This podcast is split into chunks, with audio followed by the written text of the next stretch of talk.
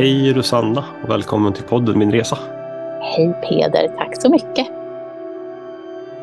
Vad, vad tänker du att är en bra, vad är en bra plats att börja din berättelse? Jag var en ganska hänsynslös och gränslös person i mina unga år. Så när jag var både tonåring och ungvuxen så det fanns liksom inte något konsekvenstänk. Det kom långt senare. Och därav så var det som att, att testa olika, alltifrån psykedelika till andra, andra substanser eh, skedde ganska hejvilt. Min, eh, ska säga, min ingång till psykedelika var inte någon liksom, spikrak positiv andlig upplevelse, utan det var ganska, ganska stökiga och eh, ska jag säga, traumatiska upplevelser som, som jag hade i början. Alltifrån att blanda med alkohol till att inte ha en setting som man pratar så mycket om, att det ska vara en bra setting när vi eh, gör det. Så att det tog ganska lång tid för mig innan jag någonstans började få en förståelse för att det här kan, kan väcka oss på olika sätt. Väcka mig eh, i det här avseendet.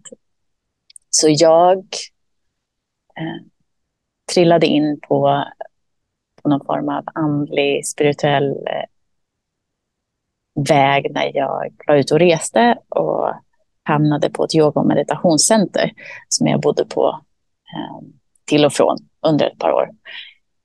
Och där så började liksom min andliga resa med meditationen, att jag var väldigt mycket i, i tystnad och, och fick möta mig själv på ett plan där jag inte använde eh, olika substanser för att, eh, för att känna olika saker. Eh, och det var först efter det som, som min resa med psykedelika började på riktigt, ska jag säga. Även fast jag hade en del tokiga upplevelser efter det också. Mm.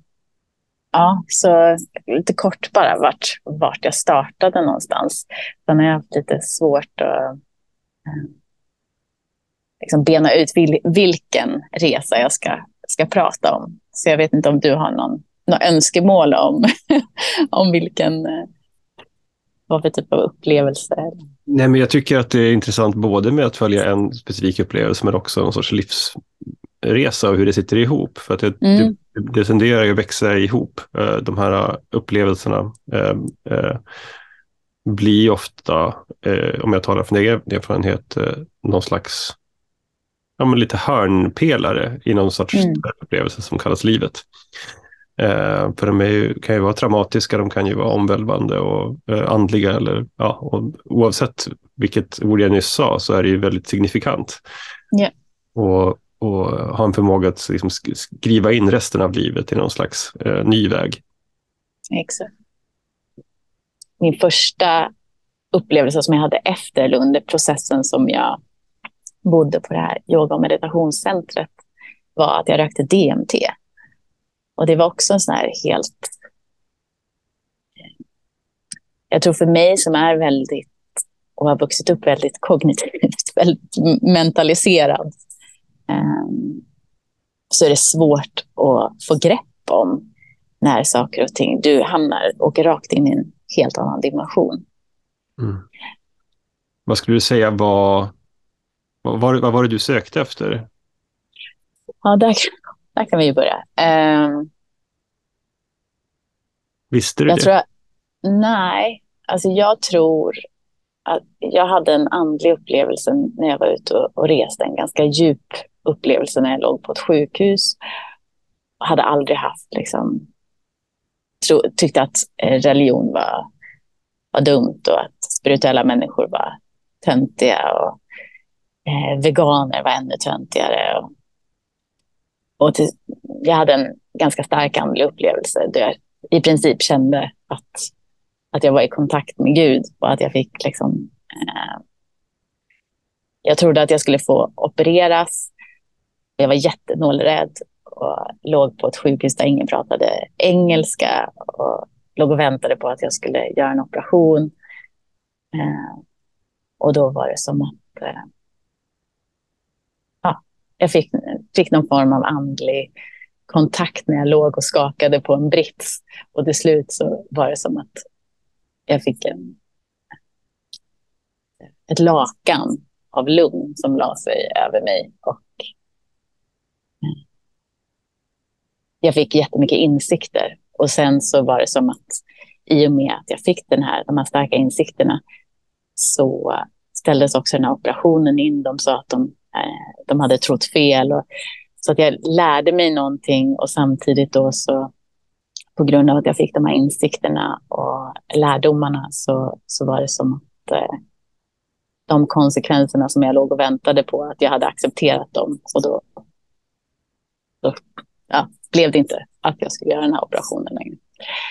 Så efter det så tror jag också att jag blev väldigt... Eh, jag började förstå att jag inte bara var min kropp, att jag inte eh, bara var mina tankar. Och började då söka efter vad fan är jag för någonting. Och att alla de här, ska säga, substanserna som jag en gång hade bedövat mig med på något vis för att slippa eh, eller för att klara av att känna vissa saker utan att det skulle göra enormt ont. De började istället förstå hade ett annat syfte. Mm. Alltså min starkaste upplevelse var nog när jag var tio dagar på en, ett ayahuasca och peyote retreat i Nordnorge. Och där så satt vi i ceremoni i en tipi. Det var 52 personer eller något sånt där som satt i den där tipin. Och jag har nog aldrig haft så liksom, jag vet att vår ayahuasca-ceremoni som vi hade där, första ayahuasca-ceremonin, den var så stark och vi hade så det var så mycket som hände och så mycket arbete som människor gick igenom under den här ceremonin. Ehm, så vi satt i den där typen tror jag, i 16 timmar under den ceremonin. Jag kommer ihåg att jag kunde höra hon som eh, en av de som höll i ceremonin, en norsk kvinna som ja, eh, he, alltså hennes röst är som, som en ängel. Så jag kunde se hennes, liksom vibrationerna av hennes röst kunde jag se som en liten kolibri vars vingar vibrerade. Jag hade den här lilla kolibrin framför mig när hon sjöng. Ehm. Och den här ceremonin, när jag kom ut ur den där tipin, det var som att, att komma ut ur det var som att, att liksom återfödas, som att kliva ut ur skötet, ur, ur mm, liksom, Moder Jord eller vad vi nu ska kalla det. Men det var som att kliva ut och solen sken. Och jag bara bröt ihop. Det var som att allting som jag någonsin hade lärt mig var liksom ut genom fönstret och all den här liksom starka energin från, från jorden och kontakten med jorden eh, drog igenom min kropp. Jag kommer ihåg att jag kom ut ur, ur den här typen och la mig ner i gräset och bara borrade ner huvudet i gräset och bad om förlåtelse och la mig ner. Det var nog första gången som jag liksom hade bett till Gud eh, eller till planeten. Um, jag kommer ihåg att jag låg där i gräset och bara kände så stark kontakt med Moder Jord när jag, när jag låg där. Um, och den upplevelsen gjorde så att jag ändrade planerna framåt för hela mitt...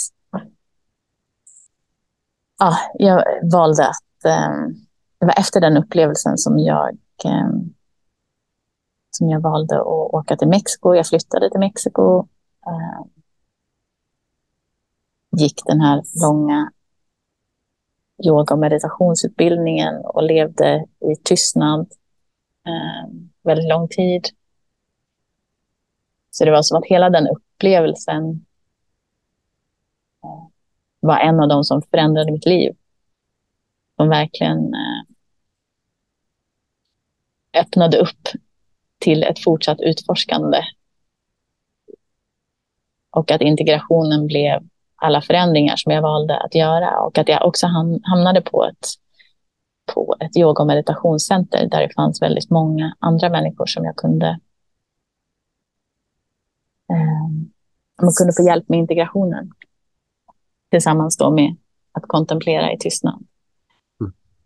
Då när jag, alltså, under väldigt lång tid när jag bodde på det här yoga och meditationscentret sen eh, ett par år senare efter den här andliga upplevelsen så kom jag i kontakt med både DMT och ayahuasca och ayahuasca eh, skapade också de här liksom, den djupa förståelsen för kontakten vi har med alltet, världsalltet. Att saker som jag aldrig hade tänkt på eller saker som jag aldrig hade... Jag var rädd för att vara ute i skogen när jag var yngre. Jag, eh, jag liksom har inte vuxit upp med att vara ute mycket i skogen och sådana saker. Jag har vuxit upp i en stad. Eh, så till slut så var det som att jag fick någon djupare förståelse för att, att jag inte är separat från, från det här. Eh, det som däremot kom, det var som att eh, jag också insett att den här spirituella upplevelsen och de upplevelserna som, som jag har haft eh, med psykedelika också kommer till en punkt då jag nästan blir, då jag nästan fick hybris och fick det här spirituella egot som, som eh, kliver in och, och tänker att nu, nu har jag svaret. Nu vet jag vad, vad det handlar om. Och då ska jag också predika det för resten av världen. Det är det här som, det är, det här som är sanningen. Och eh, det gjorde också så att jag slutade lyssna. Så det var som att först var det en övergång till att få de här insikterna och sen så kom jag upp på någon form av höjd och tror att jag är eh, att jag har svaren. Och då blev det som att när jag fortsatte med psykedelika, när jag tog ayahuasca till exempel, då kom, kunde jag komma till... Jag har haft en väldigt eh, stark upplevelse när, alltså efter alla, eh, ska jag säga, när jag ändå hade haft, fått mitt första uppvaknande så hade jag en spirituell upplevelse med ayahuasca då jag inte alls lyssnade på vad min kropp behövde. Jag skulle dricka den där koppen som min kropp bara sa nej till och jag skulle göra den här ceremonin som där spacet inte var hållet. Och det slutade med att jag istället fick en väldigt traumatiserande eh, upplevelse där.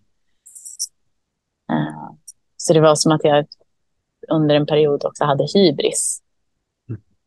kring de här substanserna. Och att det är det som jag tror blev så på grund av att jag, jag tror att det blev så på grund av att jag inte hade någon stöd integration. Mm. Och att min, min upplevelse av det här arbetet som jag har gjort, att det har varit, tagit lång tid att integrera och att det har varit väldigt lite stöd i den processen. Mm. När du gick igenom alla de här, den här delen av livet, var det här ett utforskande eller ett eh, sökande som du gjorde på egen hand eller var du i en grupp eller en kontext av något slag? Både och. Eh, jag har haft en del upplevelser själv. Mm de upplevelserna som jag haft själv eh, har faktiskt varit de som har varit absolut bäst. För då har jag också kunnat hålla... Jag hyrde, hyrde en liten stuga uppe i bergen i Mexiko och åkte dit och så hade jag en vecka som jag var... Ja, men hade så här solitude, eh, var ensam och mediterade och sen i slutet på den veckan så tog jag fram och så bodde jag liksom precis i utkanten vid djungeln eller skogen där. Det var som en barrskog blandat med djungel. Så det var som att kliva ut i svenska skogen fast det var de här stora blåa, rosa, liksom fantastiska blommorna och, och klängväxter. Och, eh, så där hade jag nog en av mina starkaste upplevelser när det kommer till kontakten eh, med naturen. Och kontakten med mig själv och den här eh, förmågan att hålla mig själv. Mm. Att jag upplevde att, att många gånger att jag lägger över det här hållandet hos någon annan. Mm. Och där var jag tvungen också att hålla mig själv på ett annat sätt. Så det har varit både, både i kontext med andra och med mig själv. När du pratar om integration är ju i alla fall i, i, mitt, i min egen erfarenhet så känner jag att integration är någonting som sker i, i samtal med andra och liksom att man behöver liksom någon, någon, någon, någon, säker klick att stöta och blöta de här nya idéerna och perspektiven med. Och att det är liksom det som på något vis får fotfäste och eh, blir en del av, i bästa fall, ett frö av det kan bli en del av, av någon ny väg man tar. Ja, alltså den absolut främsta personen ska jag säga som jag haft eh, under hela mitt, mitt liv och som jag har gjort många av de här resorna tillsammans med, det är min eh, kusin och bästa vän. Och vi har liksom gått jämsides under hela våra liv. Både på gott och ont, ska vi säga. Eh, men utan henne tror jag inte att, att jag liksom hade kommit till de insikter och eh, fått den djupa förståelsen som, som jag har idag. Och mått så pass bra, ska vi säga, för att de här eh, upplevelserna som har varit svåra, det, alltså, jag, förstår, jag förstår att människor eh, ibland kunde jag uppleva att jag blev lite knäpp. Ska jag säga. Och jag förstår att människor kan känna att man, man blir nästan lite koko av att ha de här upplevelserna. Och så, det är som att här, ja, men du åker på en ceremoni och så är ceremonin på lördagen och sen på måndagen då står du tillbaka på ditt jobb. Eh, och det är som att, ja, jag vet inte. Jag har också fått förstå förståelse för den här öppenheten, att det är som en öppen bok efter att jag varit på en ceremoni. Att jag, och integrationen för mig är också, som du sa, det här med att, att prata med andra, men också att fortsätta att vara eh, i kontemplation, att vara i naturen eh, och fortsätta ta in de här intrycken som, som det handlar om, eller som det har handlat om för mig. Och det är ju att känna den här kontakten och få fortsätta ha den integrerat för resten av livet.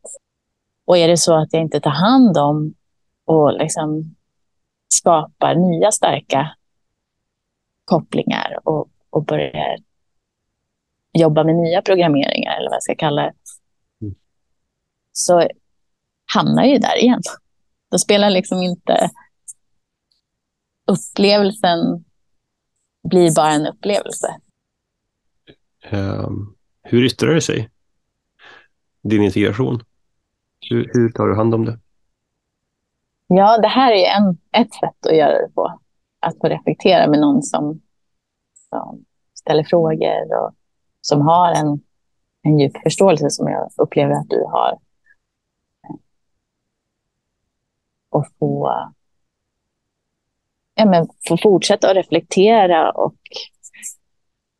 ta in det på olika sätt. För mig så är det också, nu läser jag psykologi på universitetet, eh, är tillbaka på universitetet efter 12 år eller något sånt där. Och för mig är det också ett uppvaknande att få vara i den kontexten och att reflektera över mig själv och hur vårt system och samhälle är uppbyggt.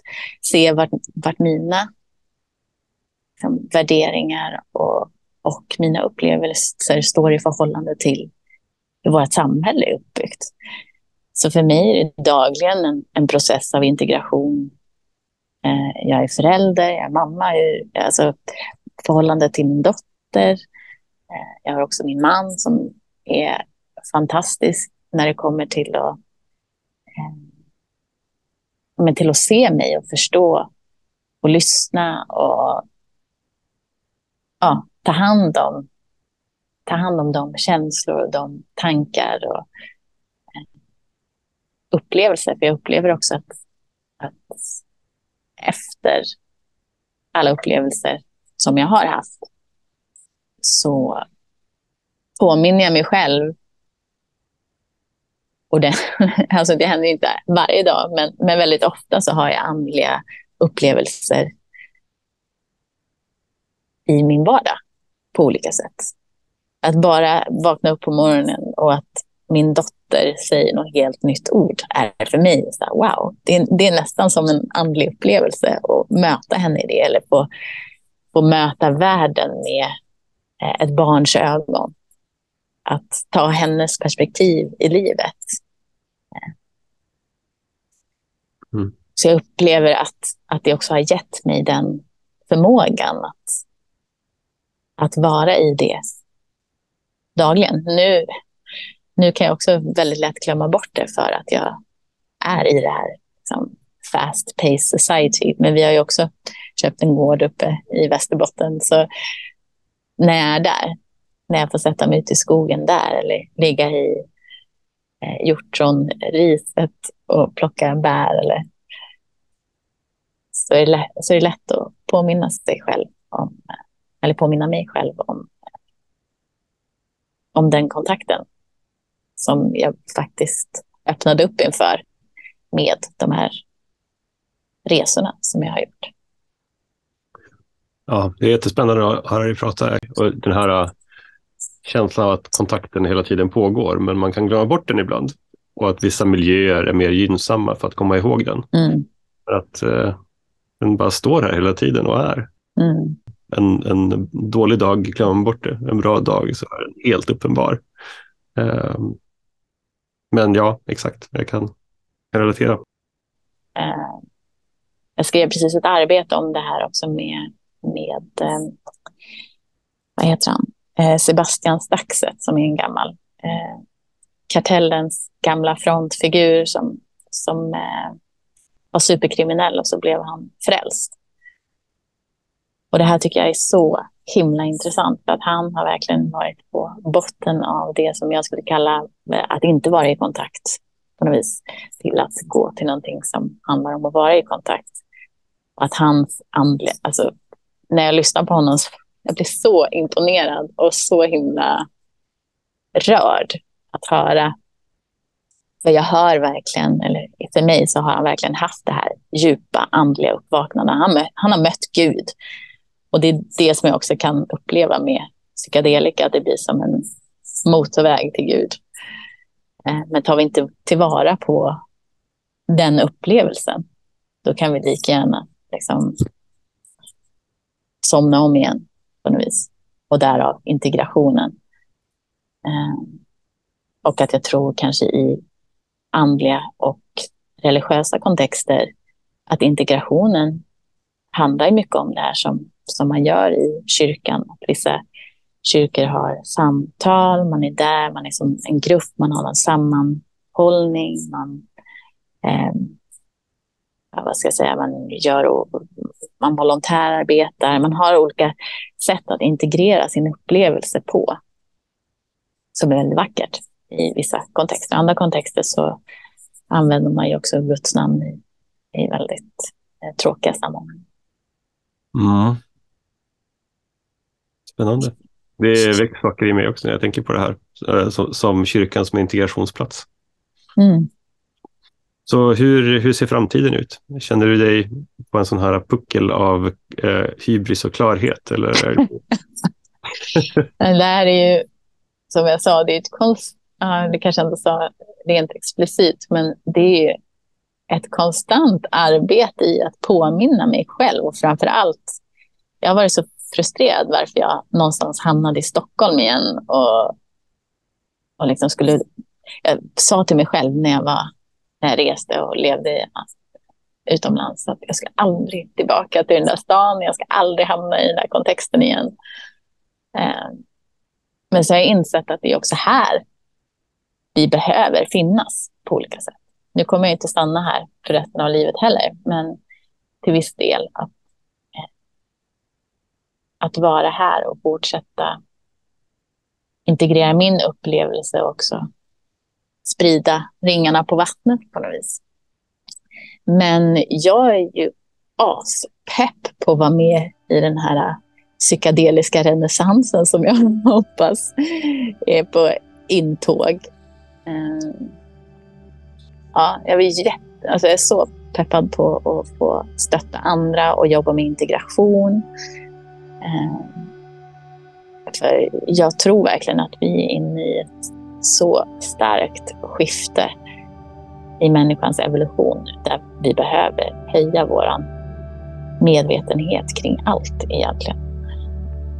Och där vill jag vara med och eh, göra min del. Men eh, då skulle jag vilja säga tack för att du var med. Det var jättetrevligt att du var här och eh, all lycka framåt. Tack Peder. Ta hand om dig. Podden produceras av företaget Nysnö. Läs mer om oss och vår verksamhet på www.nysnö.se